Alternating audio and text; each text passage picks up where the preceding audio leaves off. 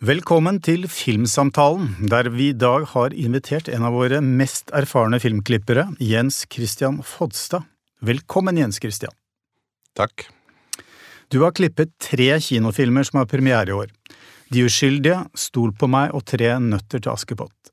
Jeg tenkte vi kunne begynne med den førstnevnte, Eskil Vogts originale horrorhybrid som kom med i Cannes og har siden blitt rost opp i skyene av internasjonale kritikere. Dette er ikke første gangen du samarbeider med Eskil Vogt. Du klippet også hans debutfilm Blind. Eh, kan du fortelle litt om hvordan dere samarbeider? Det er jeg nysgjerrig på. Eh, altså, når har du blitt trukket inn i prosjektene, og hva slags symbiose har dere i klipperommet? Dette klipperommet som er liksom forbundet med en del med mystikk, eh, som vi, vi, snakket litt om her før vi begynte. Eh, hva, hva, slags måte rutiner har du og Eskil? Um, nei, nå har vi jo, som du sa, vi har klippet nå to spillefilmer sammen. Og Så det var jo en veldig fordel uh, på denne filmen, at vi kjente hverandre fra før. Og vi kjen, har blitt kjent gjennom et profesjonelt samarbeid. Um, hvordan jobber vi? Vi um, Først og fremst si at vi samarbeider. og det er jo bra. Det kan jeg liksom, dette er uh, et samarbeid som er akkurat det. Uh, og uh, sånn som vi gjorde det på De uskyldige, så for å si ja til å være med på noe, så vil jeg gjerne lese manus. Og det gjorde jeg også her, selv om det skulle sikkert mye til. For, altså, ja, jeg vil gjøre en film med Eskil, nå skal vi gjøre film igjen. Nå har du lyst til å være med? Ja, men jeg må jo lese og vite hva det går i. Ja.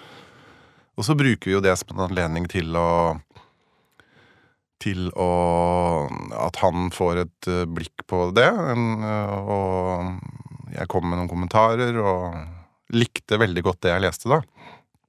Men, men, likte men, veldig godt den ja. filmen jeg så da jeg leste det. Um, og så ville ikke jeg ha noe mer med den delen av prosessen å gjøre. Uh, da kom jeg med noe, kanskje noen innspill på Fordi han skulle ha en gjennomskriving til før det gikk i opptak. Men jeg går ikke inn i store diskusjoner eller Fordi jeg vil beholde mitt uh, kall det jomfruelige blikk til materialet begynner å komme inn i klipperommet. da. Du, du fikk ikke litt bakoversveis av å lese manuset, for det er jo ganske, en ganske radikal tilnærming til et ja, skal vi kalle det et slags barneunivers? Altså... Jo, det gjorde jeg. Jeg, jeg syns det var, det var ganske heftig også som lesning. Mm. Uh, og så er det kanskje noen ting som man ikke helt så var så heftig som det, som det blir når det blir en realitet. da, det, mm. Når det kommer på lerretet. Men, uh, men det var først og fremst positivt. Og altså måten Eskil skriver på, den er uh, veldig filmatisk. Det er jo Alle manusforfattere skriver litt forskjellig, og det ene er ikke nødvendigvis noe riktigere eller bedre enn det andre, men uh, det er veldig takknemlig manus å lese.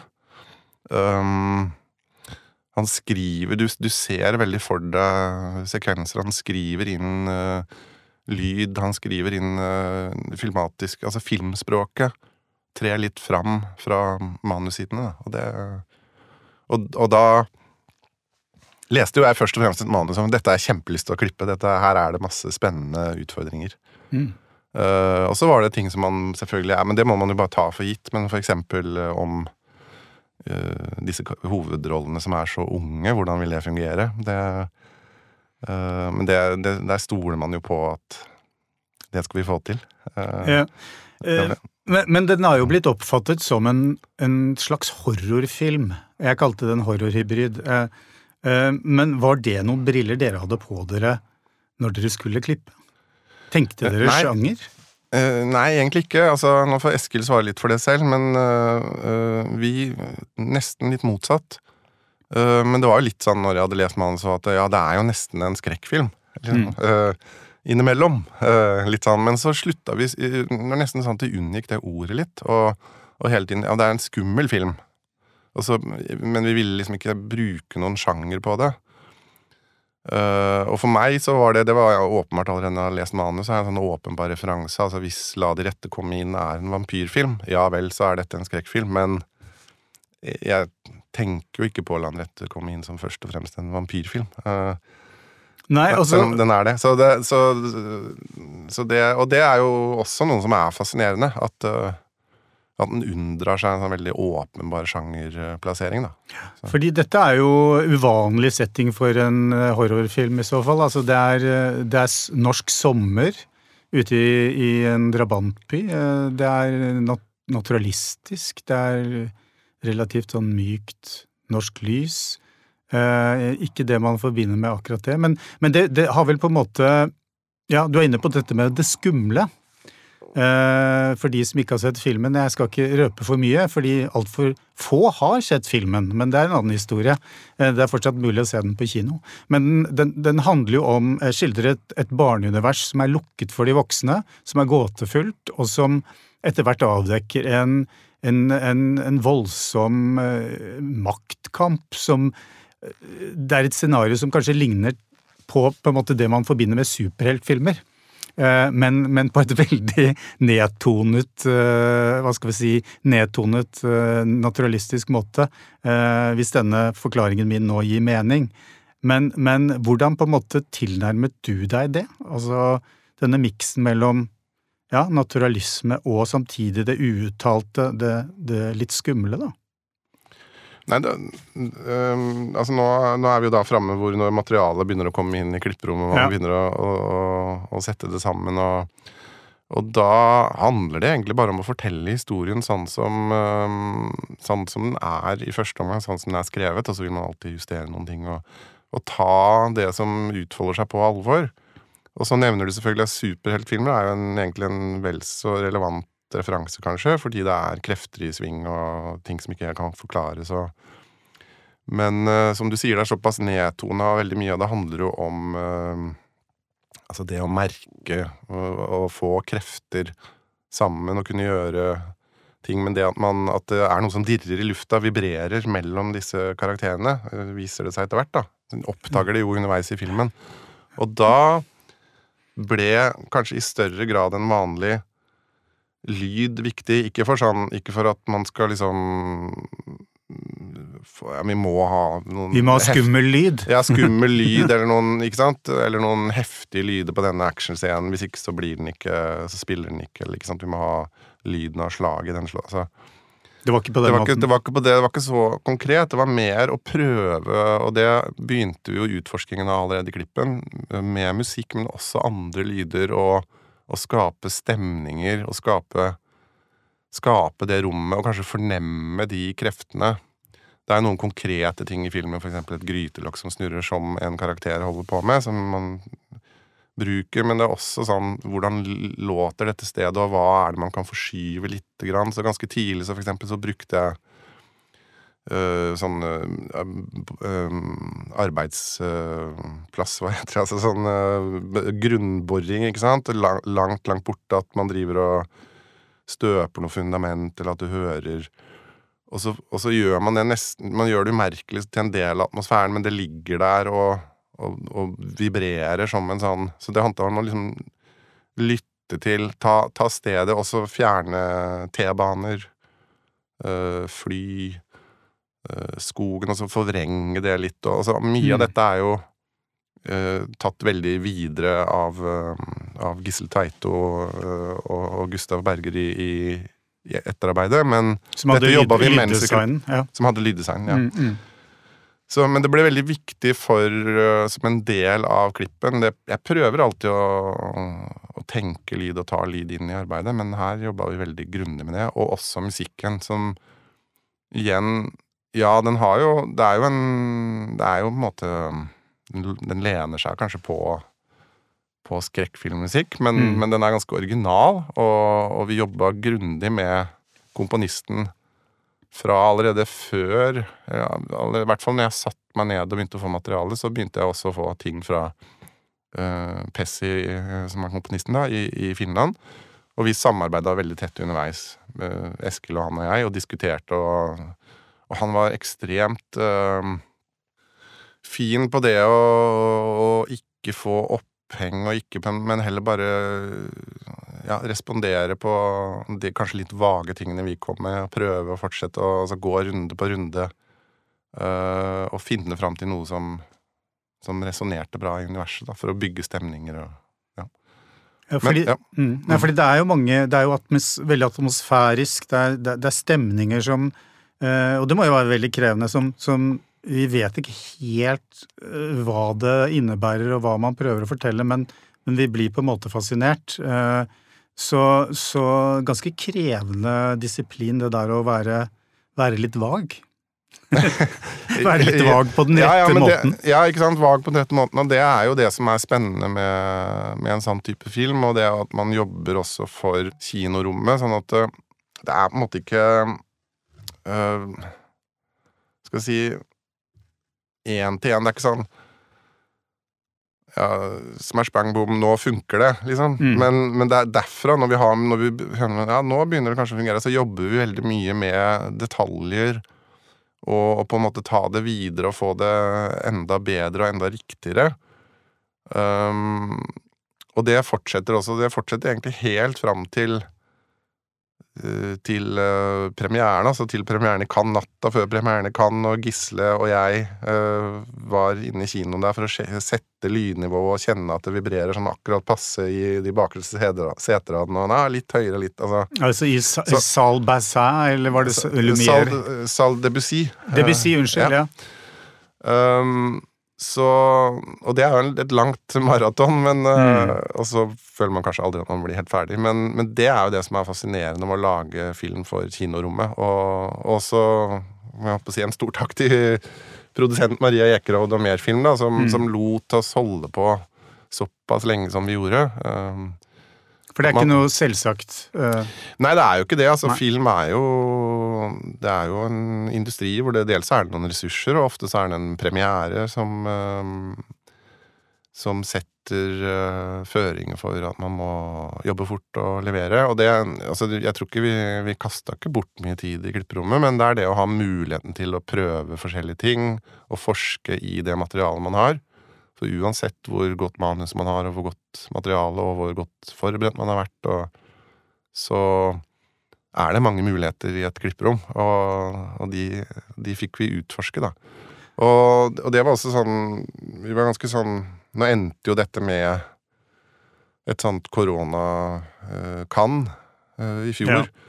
Men eh, Og så endte vi med å på en måte komme tilbake når filmen kom tilbake i år, og det var, det var jo veldig fint. Men vi var ganske sånn tydelige på det, og Eskil var veldig tydelig på det, at ja, Cannes er jo et av målene. Det, det er jo, Man vil jo gjerne dit, og det er en film som kanskje passer der, det har jo vist seg. Og, men at ikke det Man må liksom, man må klippe filmen ferdig. Man, og hvis, hvis man ikke er ferdig klar til å, å, å prøve Cannes det året, da, så, så må ikke det overstyre at filmen blir ferdig. Nei, nei. Og det, det syns jeg han er veldig god til å holde på den holdningen, for det er jo et sånt det er jo litt sånn forventninger rundt en sånn film og, Eskil Vogt som og, Ikke sant? Så Men du, du beskriver det som en ganske åpen prosess, men, men jeg lurer likevel på om dere hadde noen, eh, noen regler eller dogmer. Altså det, I filmen så er det jo det er mange, det er mange nærbilder og totalbilder. Eh, det er ikke så mye imellom. eh, og, og, og det er ofte, eller en del, ganske interessante nærbilder som står lenge, og som eh, på en måte fungerer som en slags helt autonom greie eh, ved siden av handlingen, som dere våger å på en måte gi plass. Kan du si litt om det, det bildeuniverset der? Hva slags eh, Ja, eller litt om, om regler. Um, vi hadde ikke så mange regler. Altså, mye av dette er jo uh, også, ikke sant, før det kommer til meg. Det er jo det. At Mm. vi skal Vi skyter store bilder, og vi skyter veldig tette bilder, men ikke så mye av de derre mellombildene som kanskje Mm. ofte dominerer. uh, Jeg syns det er kanskje en av de tingene som som skiller eh, film og TV litt også, at mye TV-produksjon eh, domineres av sånne mellombilder som står sånn passe lenge. ikke sant? At du De står tre-fire sekunder, og så kverner på en måte klipperytmen litt sånn jevnt og trutt, og så blir det en slags monotoni. Men um, um, altså, mye av dette var tenkt, men det var, det var jo når, i, forhold til det å holde ting lenge og sånn, så er det klart at um, Om ikke en regel, så en sånn slags øh, noe å gå etter er jo det I den filmen var det taktile og det å være, være der med barna, nede på barnas nivå, i deres verden, og se ting fra deres, uh, deres perspektiv. Det var liksom en grunnleggende et mantra i filmen. Og i den grad vi har Nå fins, uh, si det for de spesielt interesserte, så er jo manuset uh, sånn som det var da man gikk i opptak. Det fins tilgjengelig. Det er å få kjøpt. Ja. Eller sikkert låne på bibliotekene etter hvert. Og, øh, i, og det er langt på vei filma. Noen ting har endra seg underveis pga. praktiske omstendigheter. Og så er det noe som ryker ut i klippen. det er det alltid. Og mm i den grad det var noe som gikk ned når vi skulle Når filmen på en måte begynte å rope om litt mer framdrift. Uh, selv om det er en film som tar seg tid, så skal den jo ha en framdrift, og det håper jeg den har også, på sitt sånn snikende, langsomme vis. Men det som røk ut da, var ofte de litt mer objektive øh, og voksne øh, aspektene ved filmen, da. Sånn at foreldrene har fått mindre plass. Det fins scener med med mor øh, som har gått ut. Det fins scener med far som har gått ut. Mm. Uh, men aldri um, i, i, mye mindre grad det som er barnas. Så det var liksom Det, det merka man, man, noen steder som at man slipet det litt bort, og man følte kanskje at det ja, det, det, det var ikke denne filmens kjerne, da, ikke sant? Det, det handler mye om det, at man om ikke man har regler, så har man noen sånn Og det er kanskje noe man del snakker seg litt fram til om, at at uh, Kall det litt sånn svulstig for filmens sjel, da, eller kjernen, mm. ikke sant. Den skal man ikke røre ved. Det, er, det, det syns jeg er viktig på, på, alle filmer. At ja, men det er en sann film, og da mm. Ja. Du, du, nevnte det at det var spesielle forutsetninger her. Det, en, det er en film med, med, med barneskuespillere. Ja. Og barneskuespillere er jo ikke skolerte. Og vanligvis i filmsammenheng så snakker man da om at man som klipper og regissør og fotograf prøver å maskere de hva skal vi si, håndverksmessige eller tekniske manglene som, som barneskuespillere har. Eh, har dere tenkt på den måten her? Eller, eller, er det faktisk noe man kan vende til sin fordel, og, og gjøre til en styrke ved en film?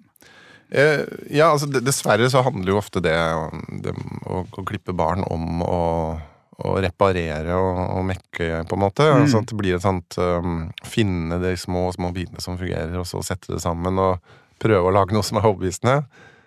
Um, da har jo det ofte mye Barn er jo nødvendigvis ikke profesjonelle. De har ikke trening. Eh, de har ikke Så det, det, må man jo ta hensyn til. Og det som ble gjort her, var at man brukte veldig, veldig lang tid på castingprosessen.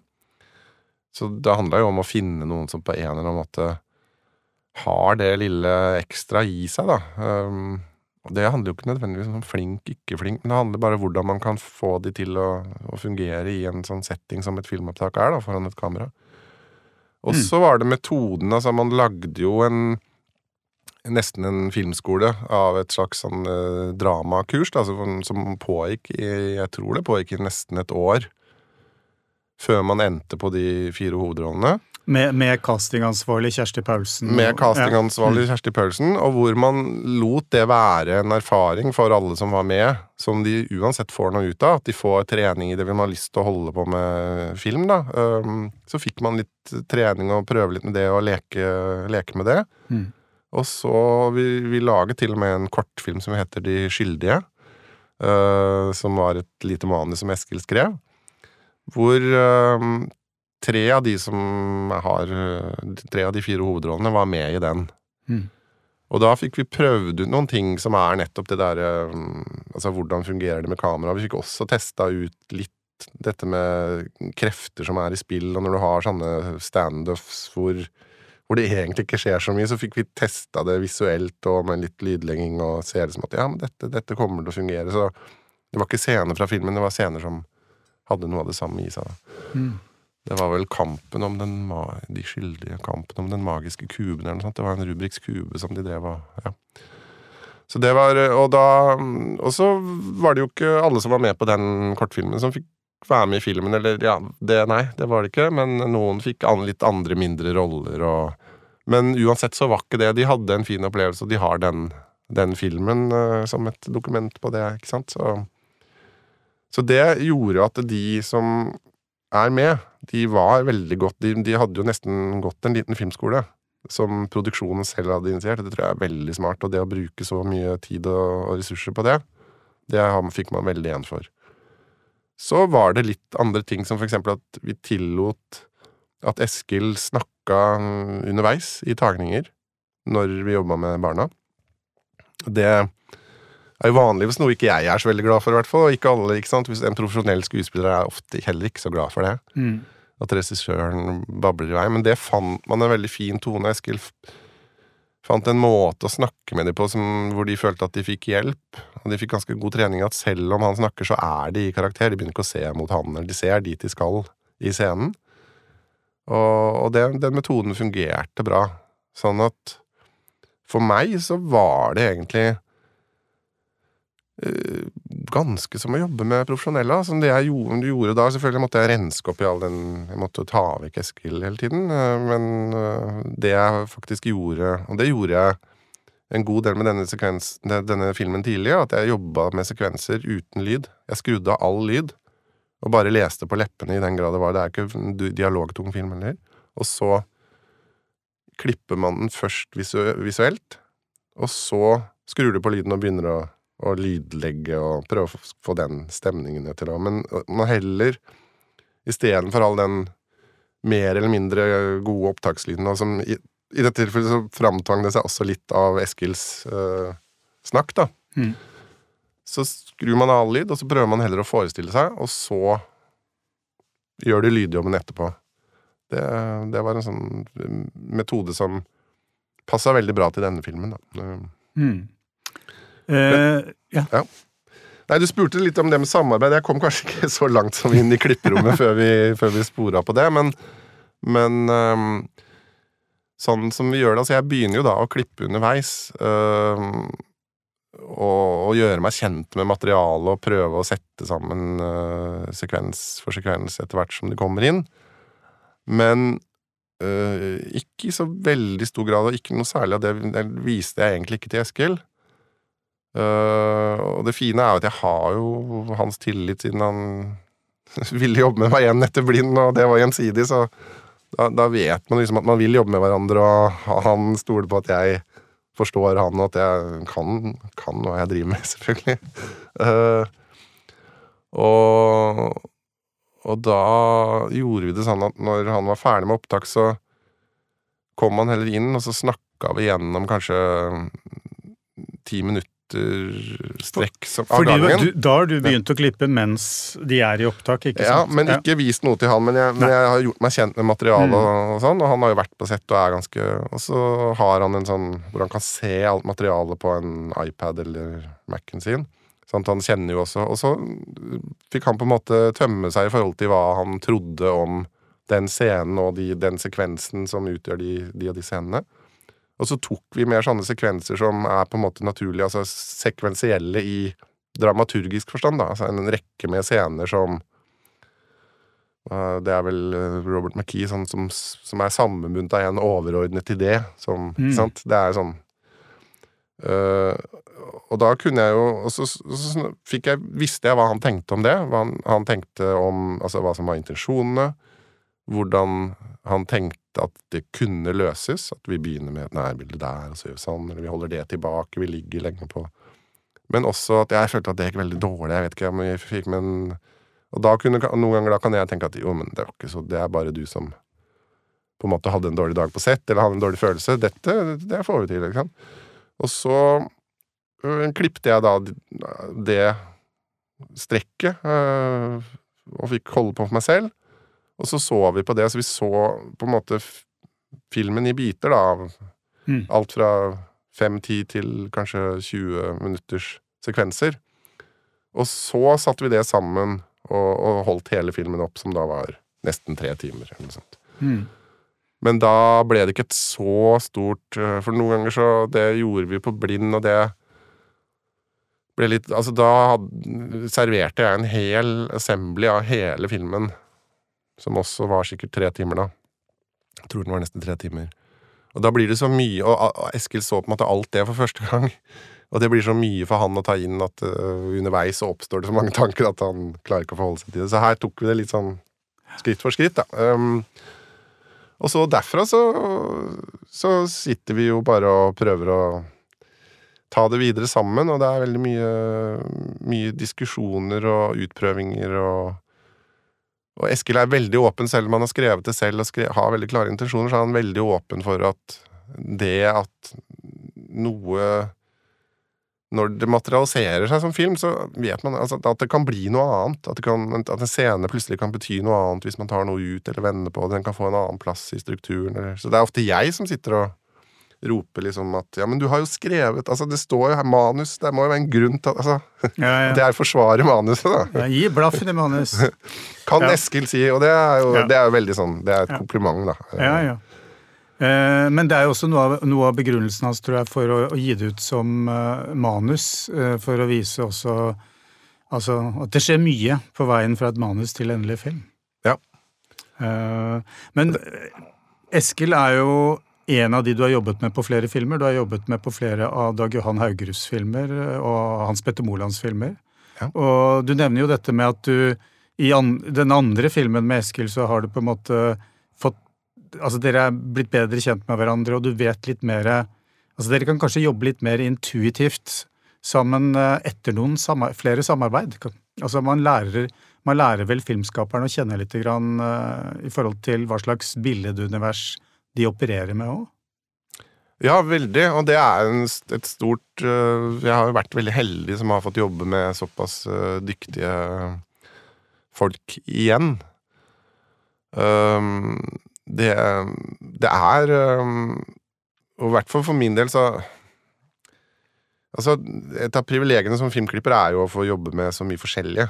Uh, jeg har en ganske bred filmsmak. Det har jeg alltid hatt, på en måte, fra Altså, jeg vokste opp, så så jeg på en måte de de store blockbusterne, eller, eller ET, eller ikke sant, som, men, og, men også de smale filmene, ikke sant, at jeg jeg så jeg, altså jeg, jeg digga på en måte både Terminator og Godard. Altså Det, det er forskjellige altså, men, ja. Ja, hvis du klipper eh, De uskyldige og Tre nøtter, nøtter til Askepott, så er det et visst spenn der. Ja, der har du et Ja. spenn innenfor, ikke sant? Ja, Ja. Det, er, det er forskjellige filmer som, som, som skal tas på alvor som det de er, ikke sant? Og, og det er et kjempeprivilegium. Og på samme måte så er det et privilegium å få jobbe med såpass forskjellige mennesker, da. Uh, som også kreativt fungerer såpass forskjellige. Um, så når du nevner Dag Johan, og du nevnte kanskje Hans Petter Moland også, ja. Så er jo det først og fremst veldig fine mennesker, da, som, øh, som har veldig respekt for meg som klipper, og for klippefaget, og det som skjer i et klipperom. Det gjelder Eskil også, selvfølgelig. Så det er jo, det, det er jo veldig fint. Det, um, men når man får muligheten til å jobbe sammen over flere filmer, så tror jeg både for regissøren og meg så er det um, bra på den måten som du sier. Det blir mer intuitivt. Og så kan man jo prøve noe som filmbransjen kanskje kan bli flinkere til, er å prøve å lære av de feilene man gjør. For det er en tendens til at man i filmbransjen øh, Fordi man Hver film må på en måte etablere sin stab og sin sin øh, Ikke sant? Man må, man, man må rekruttere, og så skal man ha en metode, og så skal man ut og filme, og så skal man og så føler jeg at man kanskje i litt for stor grad gjør de samme feilene om igjen. Man går på den smellen man er for optimistiske på, ikke sant. Mm. Så øh, det å kunne si ja, men det var kanskje ikke så lurt. Forrige gang gjorde vi det jo sånn. Ja, da kanskje vi heller skulle Ikke sant? Um, og, det, og, og det kan være forskjellige fra regissør til regissør hvilke behov de har. Så Hans Petter Moland er en veldig, veldig annerledes regissør. Veldig, han har veldig mye tillit til uh, det klippefaget og, og, og meg som klipper, og la meg få holde på. Men han er veldig til å, å snakke i på en måte overskrifter og intensjoner og karakterer, og veldig god til å snakke rundt det. Og så lar han meg komme med et svar på det, og så kan han respondere på det konkrete, men han, han er ikke noe opptatt av å sitte der da og Uh, Eskil er kanskje en som i større grad har også filmspråket på en måte inne i manuset og intensjonene sine. Uh, og det ene er jo ikke noe mer riktig enn det andre. Mens det, for Dag Johan så er det noe annet. Han, uh, han er veldig opptatt av hvordan ting blir sagt, for eksempel. ikke sant? Det er veldig dialogtunge filmer, og dialogen er veldig viktig. Og, ja.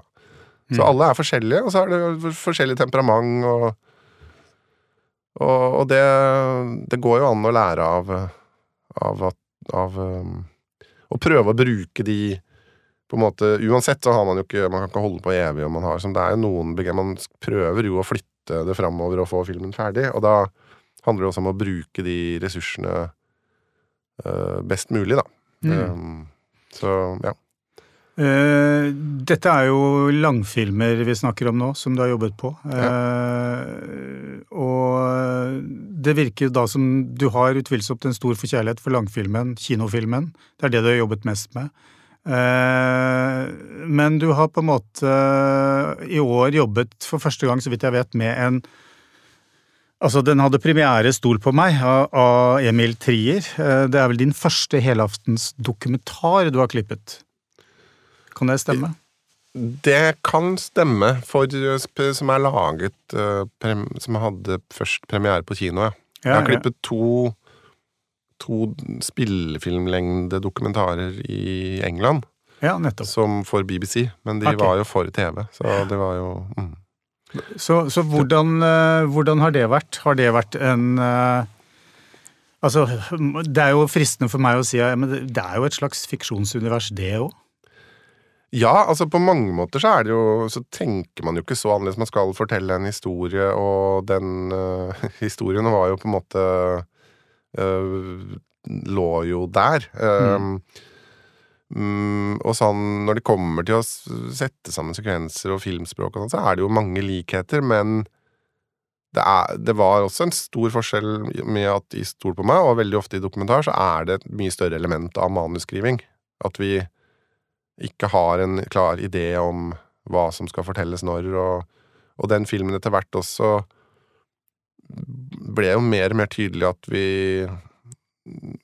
måtte gå såpass ikke-lineært som vi har gjort, da. Mm. For det, den, er, den er egentlig ganske komplisert når man begynner å se på hvilke ulike tidsplan som er i spill, og, og det tok ganske lang tid å, å komme dit. Mm. Um, den klippet jeg for øvrig sammen med Christian Siebenherz. Det er viktig å understreke. Ja, nettopp. Mm. Uh, men det var litt sånn etappevis. Han hadde jobba litt med det først, og så jobba jeg med det en lang periode, og så tok han en lang økt, og så gjorde jeg det ferdig til slutt. Det var veldig bra, fordi det kan være litt utmattende også å holde på med dokumentar over lang tid, og, og man står litt fast på struktur, og ikke minst så så var det mange ting med denne filmen. altså Man holdt jo veldig lenge på å prøve å komme inn til hovedkarakteren som sitter i fengsel i USA. Det lot seg ikke gjøre. Uh, og det måtte vi jo på en eller annen måte snu til en, slags, en styrke da, i filmen. At han ikke var tilgjengelig for oss visuelt. At det møtet aldri fant sted. Og det, det føler jeg vel at vi har klart. Uh, og vi måtte heller ta det forsøket på å komme inn til han inn i filmen som en del av fortellingen. Men det visste vi jo ikke underveis. Sånn at det, ja, min involvering strekker seg vel over nesten en treårsperiode før vi låste klippen. Mm. Sånn at det skjer jo innimellom andre prosjekter og sånt. Og så det, det, som er spennende med det, er at vi kunne sitte, og Emil og jeg og, og Christian, og, og, og diskutere filmen og si ja, men vi trenger noe sånt. Altså vi så kunne de gå ut og filme det. Uh, og det andre var at man hadde tilgang til uh, Walid, uh, hovedkarakteren, da, som sitter i fengsel, på lyd. At man ca. en gang i måneden så var det mulig å ringe han og, ha, og gjøre et intervju. Og det ble jo gjort, og da kunne vi si ja, men spør han om det, eller ja, hva, hva sier han, hva tenker han egentlig om det? Så det, sånn, det ble til underveis. Mm. Uh, og man får være, lov å være med og prege filmen på den måten. Mm. Så, ja. Og så har du uh, Tre nøtter til Askepott, som jo er noe helt annet igjen, uh, hvor, hvor, universet er veldig satt, og premissen er tydeligere. Ja. altså du bør, Jeg bare er nysgjerrig på, liksom, er, er det Du nevnte i stad at uh, det har sine utfordringer, selvfølgelig. Uh, hvordan, hvordan, opplever du å jobbe med en et, altså, Du kan jo si at De skyldige er et eventyrlig univers. Absolutt. Ja. Her er det et klassisk gammeldags eventyr, på sett og vis. da. Ja. Uh, den filmen har jeg klippet sammen med Perry Eriksen for øvrig, så Ja, det det er- også nevnes. At Ja, vi- viktig at vi ja, nevner det. Ja, fordi det er et sånt likeverdig samarbeid, mm, si, hvor mm. vi mm, Ja. Uh, ja, altså, Tre nøtter til Askepott er jo et eventyr, og, og det, det må man jo ta på, på største alvor. Og det, jo det lager jo noen andre regler for hva man kan gjøre og ikke gjøre, og en del ting man ikke skal tulle med, på en måte.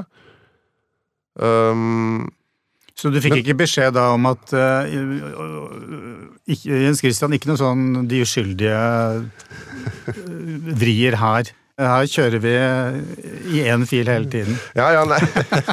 ja, nei, jeg prøver jo, prøver jo å nærme meg hvert prosjekt eh, som noe unikt. Så det Nei, jeg ble ikke møtt med noe sånne Igjen, altså. eh, Perry og jeg fikk veldig tillit på at vi Vi fikk lov å holde på, og, men det er kanskje også fordi de merka at vi tok, tok det oppdraget på alvor, da.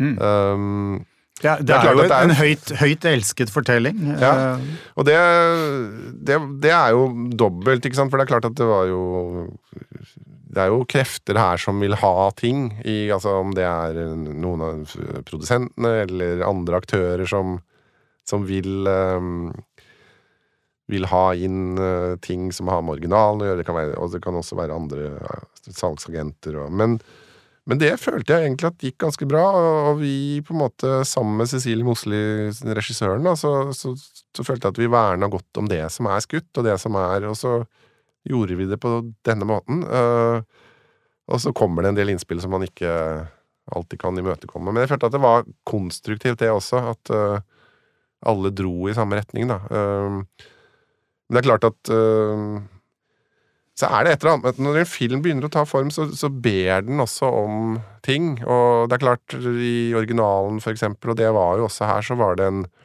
første sånn Altså at stemor setter Askepott til å sortere. Her så var det da bønner og linser. Før hun senere må sortere, sortere um, disse perlene, um, ikke sant, rett Mm. før, ja, sånn at hun blir forhindra fra å dra på ballet. Det var noe som uh, røk ut i klippen. Og som, Det var veldig fint, og det, det spilte bra, og da kommer duene og hjelper henne, kommer til unnsetning, det som de også gjør senere. Men så var det et eller annet med filmen sånn Det er jo på en måte også en romantisk komedie, og uh, for at vi skulle komme fortest mulig til at uh, Eller fortest mulig, men fortere til at uh, prinsen og Askepott møter hverandre, da. Første møte, som jo er på en måte igangsettende i en romantisk komedie, så, så røk det ut. Og sånne ting er sånn som filmen på en måte etter hvert når den begynte å form, så ber den om det. Uh, mm. I De uskyldige så var det en uh, ganske stor oppgjørs... uh, en stor sånn scene bak blokkene i, i sånn to tredjedeler inn, som røk ut fordi den på en eller annen måte, den, den var veldig bra. Mange likte den veldig godt når vi hadde testvisninger òg, men, men filmens helhet ba om at det ble for, nesten for mye av et klimaks, og det var en del øh, krefter og dynamikk mellom karakterene som nesten spilte seg for mye ut. da. Så, Mm. så da røk det ut. Det kan man jo Hvis man leser manus, så kan man se hvordan det opprinnelig var. da. Ja, nettopp.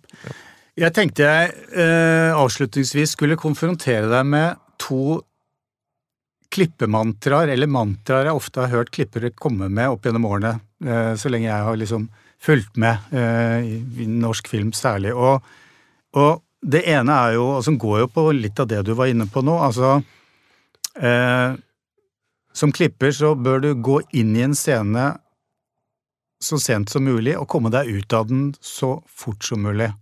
Ja. Det, det er ett av de mantraene. Og eh, er du en av de som på en måte tilslutter deg det? ja det skal gjerne ofte sies på engelsk, har jeg Ja. en følelse av. at Get in late, get out early, for da blir det liksom enda mer Det er en slags variant av let's cut to the chase, Ja, ikke på sant? sett og vis. Ja. Uh, nei, altså jeg er veldig lite tilhenger av sånne mantraer. Jeg blir det mer og mer, fordi hver film er unik, og jeg uh, tror det passer veldig bra på noen filmer. Som er sånne filmer, som skal ha en framdrift, altså hvor all transport skal bort, og hvor du eh, En film som uh, første jeg kommer på, er sånn Breaking the Waves. Den er klipt sånn. Alt overflødet er hvor det er liksom, Den er emosjonell, liksom. Altså Mm. von Triers eh, um, Men nei, eh, jeg slutter meg ikke til det, og noen ganger så kan det være sånn Hva hvis man tenker sånn altså, Get in late, men get out even later. Altså, Mm. plutselig, altså det å ligge litt ekstra lenge siden hva skjer etter krangelen? Mm. Uh, stillheten etterpå, når noen går ut av rommet og hva Altså, hvis det er filmet, så ofte så kan det være Eller andre ganger helt motsatt, altså. Spenninger som bygger seg opp før noen sier noe, ikke sant, eller Eller man kommer inn etter at uh, noe har hendt. Ja, ja, ja. Ja. Ja. Mm. Men det er veldig Nei, så jeg syns ikke man skal bruke sånne regler eh, sånn på autopilot, nei. Nei. Og så er det et annet mantra eh, som også for så vidt eh, har, er knyttet til klipperens litt mer sånn anonyme posisjon. Eh, og det er jo eh, klippen skal ikke synes. Og det er jo eh, Alle skjønner jo for så vidt hva som menes. Altså den, den Det er historien som skal være viktig her. Eh, man skal ikke liksom legge merke til klippen eh, klippeoverganger, eller sitte og tenke på det mens man ser filmen. Ja. Det kan jeg nok i større grad slutte meg til. Mm. eh, I den forstand at hvis noe er bra uh, klipt, så tenker man kanskje ikke så mye over hvordan det er klipt. Og i, i sånn klassisk uh, Kall det Hollywoods kontinuitetsspråk, da, hvor liksom historien utfolder seg i et sånt sømløst, umerkelig språk, så er jo i hvert fall det Da skal man jo på en måte ikke legge merke til klippen. Um, uh, men igjen så er det sånn Det er jo ikke nødvendigvis noe galt at man legger merke til klippen, og det er klart noen filmer bringer på en måte filmspråket mer fram og gjør det synlig, og da legger man også merke til klippen enn andre. Altså Noen originale filmer gjør jo det, eh, på en positiv måte, og hvor det er en del av opplevelsen. Jeg tenker at blind, kanskje De som setter pris på blind, og dette med at man veksler mellom ulike nivåer av virkelighet og forestilling, og? Og, og, det, og det er også en lek som vi i hvert fall prøvde med den filmen å få publikum med på. Og da blir det jo ofte sånn at filmspråket blir tydeligere, og dermed så legger man, sier man at man legger merke til klippen, da. Mm. Men men jeg har det jo ofte sånn selv, at, jeg, altså at man fortaper seg inn i en film, så tenker man ikke over, uh, over ting. Men jeg syns ikke det er ja, det, er en, det er en interessant greie, da. Fordi alle filmer skal kanskje ikke heller være sånn at man glemmer seg selv litt. Det er kanskje noen filmer som også skal appellere litt til tanken, og at man skal kunne sitte og tenke litt over underveis det man ser, og ha litt større distanse. Og da vil jo ofte også at man på en måte ser mer filmspråket, da, og dermed klippen. Eh, Mm. Så, men ja. Ja og nei. Ja, ja. Nei, altså film, filmklippen skal ikke synes, men, men er filmklipperne litt for usynlige, syns du? Altså, eh, klippen er jo Det er jo filmens eh, Du var inne på filmen, en films sjel, men altså fil, Om ikke det er en films sjel, så er det i hvert fall filmens hjertepuls. Altså, klippen er jo Det er jo det som er filmen som kunstform. Ja, ja, det er jo den eneste fagfunksjonen som oppsto med filmmediet. Ja. Altså, alt andre, fotograf, scenograf, skuespiller, bla, bla, Mm. fantes jo før. Mm. Så nei, vi kan godt eh, kanskje eh, snakke faget litt opp. Eh, Mm. faget kunne kanskje vært litt mer verdsatt, men jeg tenker kanskje at at det er en positiv utvikling der også. Ja. Men sånn rent personlig så tenker jeg at nei, klipperne Man får jo den anerkjennelsen man trenger innad i bransjen, og så slipper man alt det, all oppmerksomheten ut av det. Ja, Det trives jeg egentlig ganske godt Ja. med. Selv om det er hyggelig å bli invitert hit og snakke litt. Altså. Du, eh, da er jeg veldig fornøyd. Så Ja. jeg tenker at jeg bare takker for eh, at du kom. Takk for at jeg fikk komme hit.